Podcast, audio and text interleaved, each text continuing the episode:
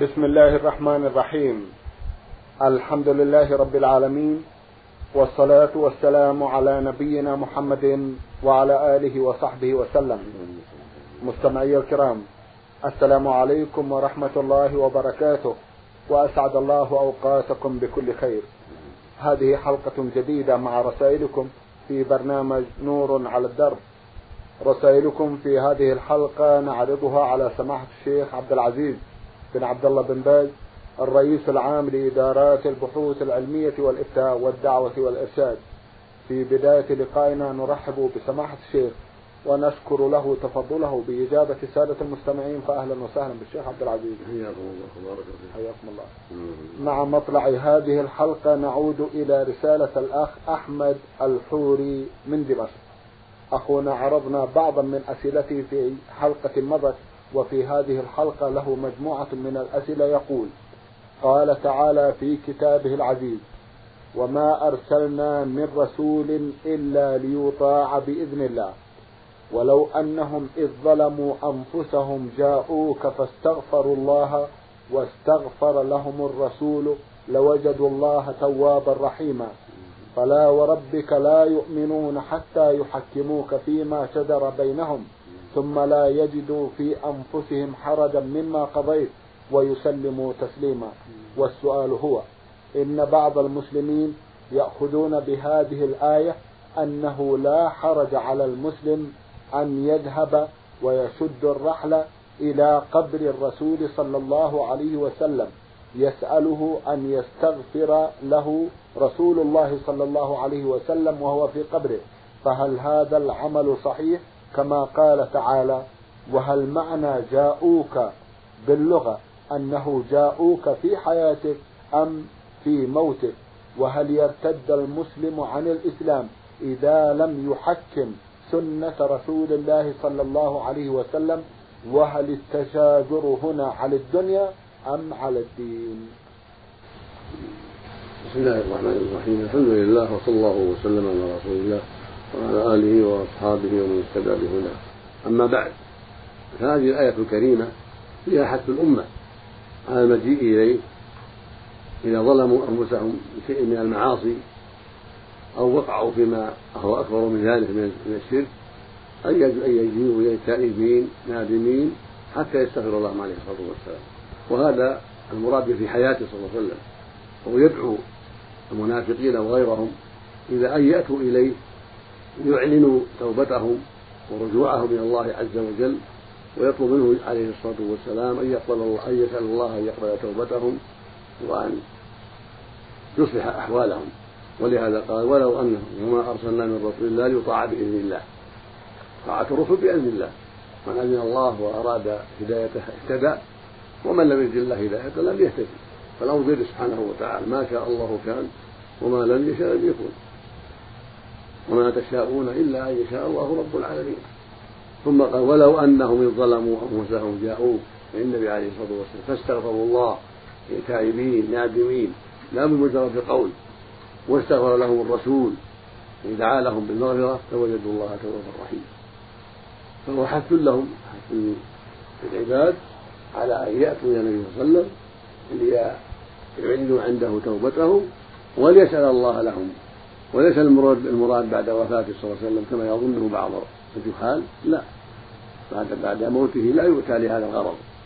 وإنما يؤتى لتسجيل السلام عليه لمن كان في المدينة أو وصل إليها من خارجها لقصد الصلاة في المسجد والقراءة فيه ونحو ذلك. فإذا أتى المسجد سلم على النبي صلى الله عليه وسلم وعلى صاحبيه. لكن لا يشد الرحل من أجل زيارة القبر فقط بل من أجل المسجد وتكون الزيارة تبعا له تكون الزيارة لقبر الشريف وقبر قبر الصديق وعمر تابعة لزيارة المسجد. لقوله صلى الله عليه وسلم لا تشد الرحال إلا إلى ثلاث مساجد المسجد الحرام ومسجد هذا ومسجد الأقصى. فالقبور لا يشد لها الرحال ولكن متى وصل إلى المسجد؟ وفي نيته السلام على الرسول وعلى صاحبيه. أو ليس في نيته ذلك فإنه يشرع له أن يسلم على النبي صلى الله عليه وسلم ويسلم على صاحبيه. عليهم رضي الله عنهما. لكن لا يشد الرحل الا الزيارة فقط لا تقام فقط في الحديث السابق وأما ما يتعلق بالاستغفار فهذا كان يكون في حياته لا بعد وفاته. والدليل على هذا أن الصحابة رضي الله عنهم وأرضاهم لم يفعلوا ذلك. وهم أعلم الناس بالنبي صلى الله عليه وسلم وأفقه الناس.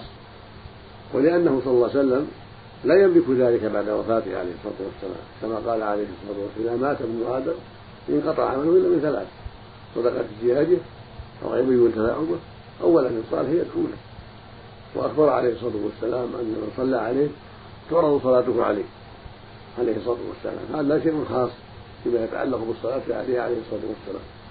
ومن صلى عليها صلى الله عليه بها عشرا وقال عليه الصلاة والسلام أكثر عليه الصلاة يوم الجمعة. فإن صلاة مرة عليه إذا تعرض عليه وقالت أرمت يعني بليتا قال إن الله حرم أن تكون أسهل الأنبياء. هذا خاص بالصلاة عليه الصلاة والسلام. واللفظ الآخر إن لله ملائكة سياحين يبلغون أمة السلام هذا شيء خاص بالصلاة والسلام عليه الصلاة والسلام يبلغ ذلك. وأما أن يأتي من أو من ظلم نفسه ليتوب عند قبر وليستغفر عند قبر هذا لا أصل له. بل هو منكر. ولا يجوز. وهو وسيلة للشرك وسيلة إلى أن يأتي فيسأله الشفاعة أو يسأله شفاء المريض أو كذا أو كذا أو يسأله يدعو له وهذا لا يجوز لأن هذا ليس من خصائصه عليه الصلاة والسلام بعد وفاته ولا من خصائص غيره. فكل من مات لا يدعى ولا يطلب منه الشفاعة لا النبي ولا غيره عليه الصلاة والسلام. وإنما الشفاعة تطلب منه في حياته صلى الله عليه وسلم. فيقول يا رسول الله يقول الرجل يا رسول الله اشفع لي أن يغفر الله لي اشفع لي أن يشفي الله مريضي أن يرد غائبي أن يعطيني كذا وكذا. وهكذا يوم القيامة بعد البعث والنشور لأنهم أحياء. فإن المؤمنين يأتون آدم ليشفع لهم حتى يقضى بينهم فيعتذر ويحيلهم ويحيلهم إلى نوح فيعتذر نوح ثم يحيلهم نوح إلى إبراهيم فيعتذر ثم يحيلهم إبراهيم إلى موسى. فيعتذر. ثم يحيلهم موسى إلى عيسى فيعتذر عليهم الصلاة والسلام. ثم يحيلهم عيسى عليه الصلاة والسلام إلى محمد صلى الله عليه وسلم. يقول أنا لها يتقدم ويسجد تحت العرش عليه الصلاة والسلام ويحمد ربه من حامد عظيما ثم يشفع في أهل الموقف حتى يقضى بينهم. وهكذا يشفع في أهل الجنة حتى يدخلوا الجنة. لأن حي قائم موجود. أما في البرزخ بعد وفاته صلى الله عليه وسلم فلا يسأل الشفاعة ولا يسأل أن يستغفر للناس ولا يسأل شفاء المريض ولا رد الغائب ولا غير ذلك ولا غير ذلك من الأمور. وهكذا بقية الأموات لا يسألون شيئا من هذه الأمور بل يدعى لهم ويستغفر لهم إذا كانوا مسلمين. نعم. جزاكم الله خيرا. أخونا يسأل ويقول الشيخ عبد العزيز. بدل سؤال أيضا. نعم. فلا وربك. أي نعم. كذلك قوله جل وعلا فلا وربك لا يؤمنون حتى يحكموك. فيما شجر بينهم الآية على ظاهرها. طيب. يعني لا يجوز للمسلمين أن يخرجوا عن شريعة الله بل يجب عليهم أن يحكموا شرع الله في كل شيء فيما يتعلق بالعبادات وفيما يتعلق بالمعاملات وفي جميع الشؤون لأن الله يقول سبحانه وتعالى وأن يحكم بينهم بما أنزل الله ويقول عز وجل أفحكم الجاهلية يبغون؟ ومن أحسن حكما لقوم يوقنون ويقول سبحانه ولم يحكم بما أنزل الله فأولئك هم الكافرون ولم يحكم بما أنزل الله فأولئك هم الظالمون. ولم يحكم بما أنزل الله فأولئك هم الفاسقون. هذا عام في جميع الشؤون. ولهذا قال سبحانه فلا وربك لا يؤمنون. يعني الناس. يعني المسلمون. نعم. حتى يحكموك يعني محمد صلى الله عليه وسلم. يعني يحكموا سنة بعد وفاته. يحكموا في حياته صلى الله عليه وسلم. أيوه. وبعد وفاته يكون التحكيم سنة مع القرآن العظيم. حتى يحكموك فيما شجر بينهم. فيما تنازعوا فيه. هذا هو الواجب عليهم أن يحكموا القرآن الكريم والرسول صلى الله عليه وسلم في حياته وبعد وفاته سنته التي هي شرح القرآن وهي تفسير القرآن والدالة على معانيه. حتى يحكموك فيما شجر بينهم ثم لا يجدوا في أنفسهم حرجا مما قضيت ويسلموا تسليما. يعني يجب أن تنشرح صدورهم وأن لا يبقى في صدورهم حرج من قضاء من حكمه عليه الصلاة والسلام. لأن حكمه هو الحق الذي لا ريب فيه. فالواجب التسليم له وانشراح الصدر بذلك وعدم الحرج. بل يسلم المؤمن لله تسليما كاملا. راجا بحكم الله مطمئنا إليه هذا هو الواجب على جميع المسلمين. في ما شجر بينهم من الدعاوى والخصومات سواء كانت متعلقة بالعبادات أو بالأموال أو بالأنكحة أو بالطلاق. أو بغيرها من شؤونهم نعم. جزاكم الله خيرا.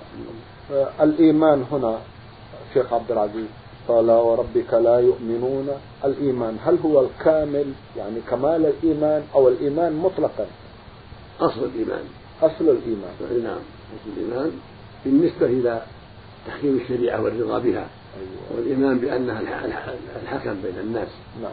فلا بد من هذا. فمن زعم أن هناك شيئا يحكم بغير ذلك وأنه يجوز أن يتحاكم الناس إلى سواء الآباء والأجداد أو إلى القوانين الوضعية التي وضعها الرجال سواء كانت شرقية أو غربية.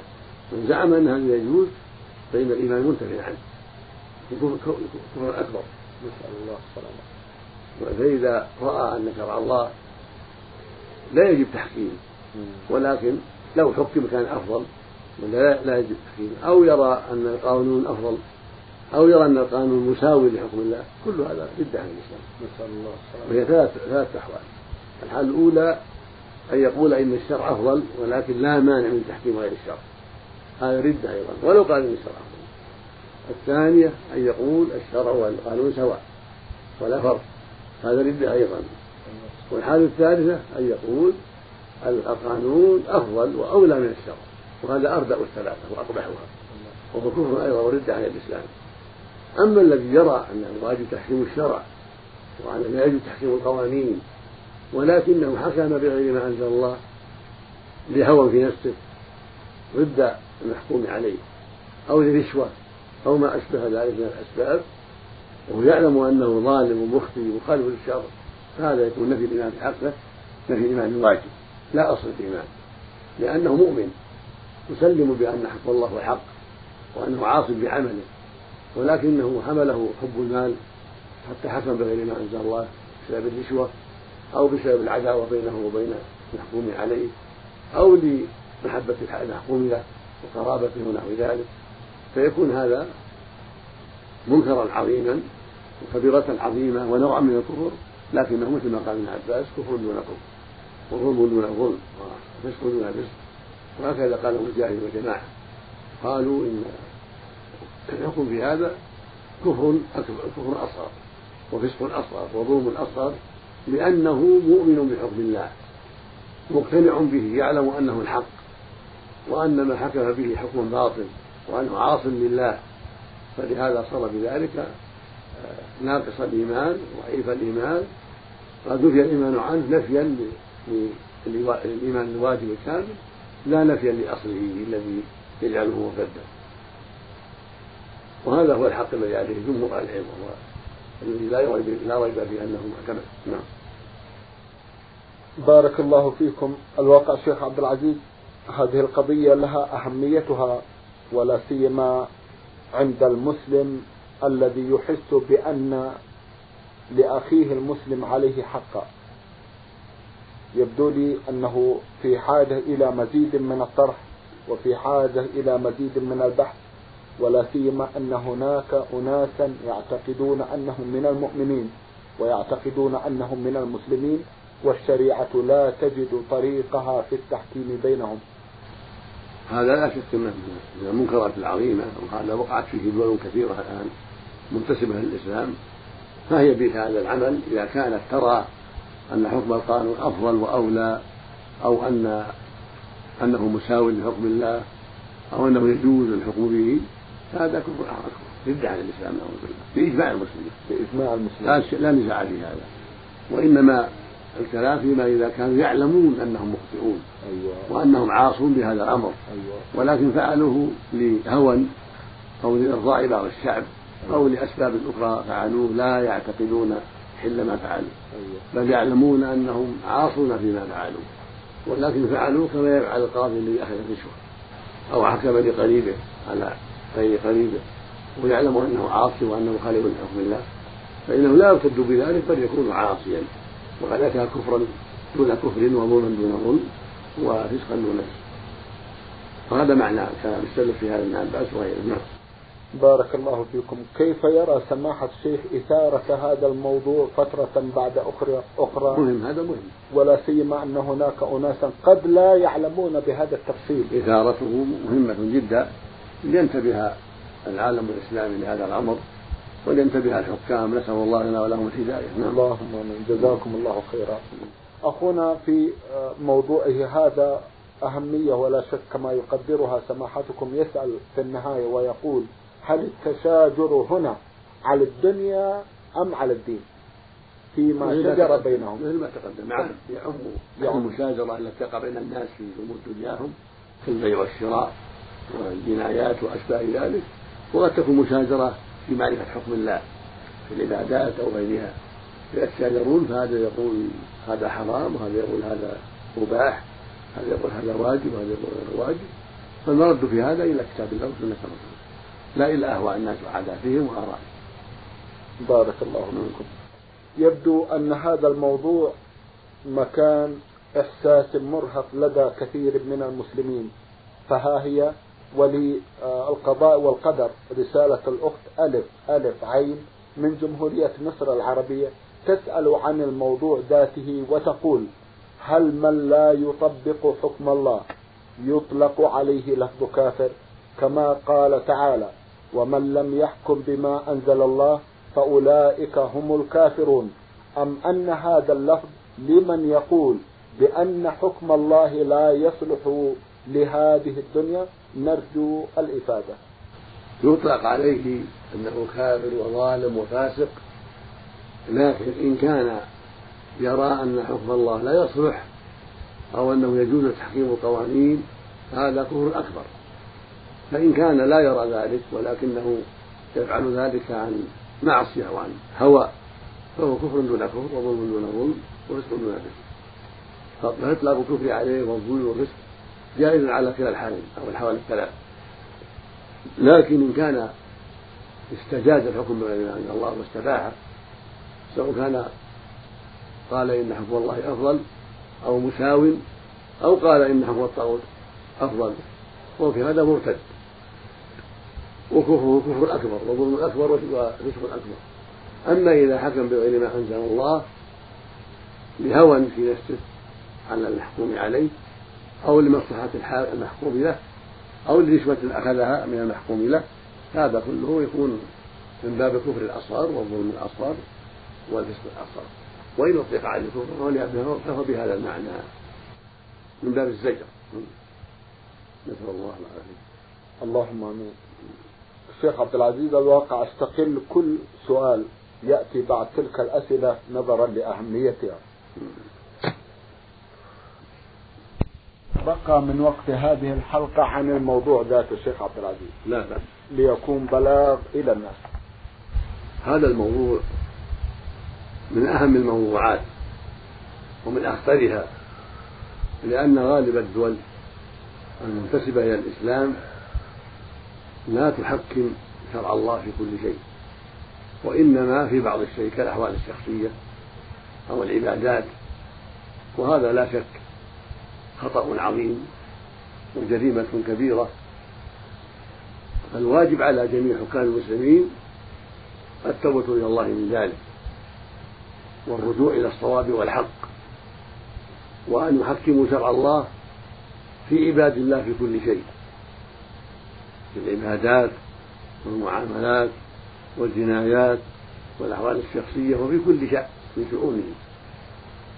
لقول الله جل وعلا فلا وربك لا يؤمنون حتى يحكموك فيما شجر بينهم ثم لا يجدوا في أنفسهم حرجا مما قضيت ويسلموا تسليما ولقوله سبحانه أفحكم الجاهلية يقول بعد قوله وأن يحكم بينهم بما أنزل الله ولا تتبع أهواءهم واحذرهم أن يفتنوك عن بعض ما أنزل الله إليك فإن تولوا فاعلم أنه يريد الله أن يصيبهم ببعض ذنوبهم وإن كانوا الذين فاسقون ثم قال بعد أفا حكم الجاهلية يقول ومن أحسن من الله حكما لقوم يقولون. ليس هناك حكم أحسن من حكم الله عز وجل.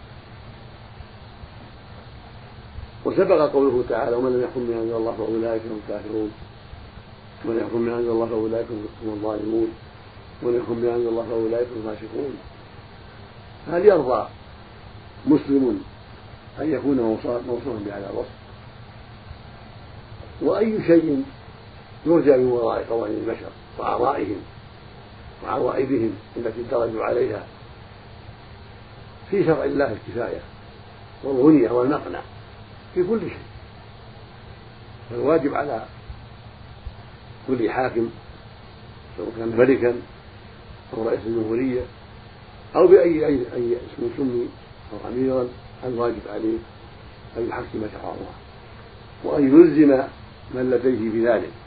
من الشعب بالتحاكم إلى شرع الله وأن ينصب القضاة وأن يهيئ لهم ما يعينهم على ذلك وأن يوجد من الأسباب ما ما يحصل به وجود القضاة العارفون بشرع الله عز وجل. فلا بد من إيجاد الدراسة الكافية في العلوم الشرعية في الجامعات وغير الجامعات في المساجد ليس من شرط التعلم أن يكون هناك جامعة. بل في أي مكان في مسجد أو مدرسة أو جامعة لا بد من إيجاد من يتعلم علوم الشريعة حتى يصلح لأن يكون قاضيا يحكم بين الناس. ولا يجوز ابدا أن يحكم بين الناس بقوانين وضعية. التي وضعها الرجال في آرائهم. يجب أن يسند الحكم إلى شرع الله. وأن يخالف الحكم من شرع الله بين عباد الله. نسأل الله للجميع الهداية والتوفيق. نعم. اللهم آمين. سماحة الشيخ في ختام هذا اللقاء أتوجه لكم بالشكر الجزيل بعد شكر الله سبحانه وتعالى على تفضلكم بهذا التوجيه الصادق الناصح الأمين. وأسأل الله سبحانه وتعالى أن يتقبل منكم. وأن يجد هذا التوجيه آذانا صاغية مؤمنة تجعل له الطريق إلى العمل والتنفيذ. آمين. الله الله مستمعي الكرام كان لقاؤنا في هذه الحلقة مع سماحة الشيخ عبد العزيز بن عبد الله بن باز. في هذه الحلقة مع سماحة الشيخ عبد العزيز بن عبد الله بن باز الرئيس العام لإدارات البحوث العلمية والإفتاء والدعوة والإرشاد. من الإذاعة الخارجية سجلها لكم زميلنا مطر محمد الغامدي شكرا لكم جميعا وسلام الله عليكم ورحمته وبركاته.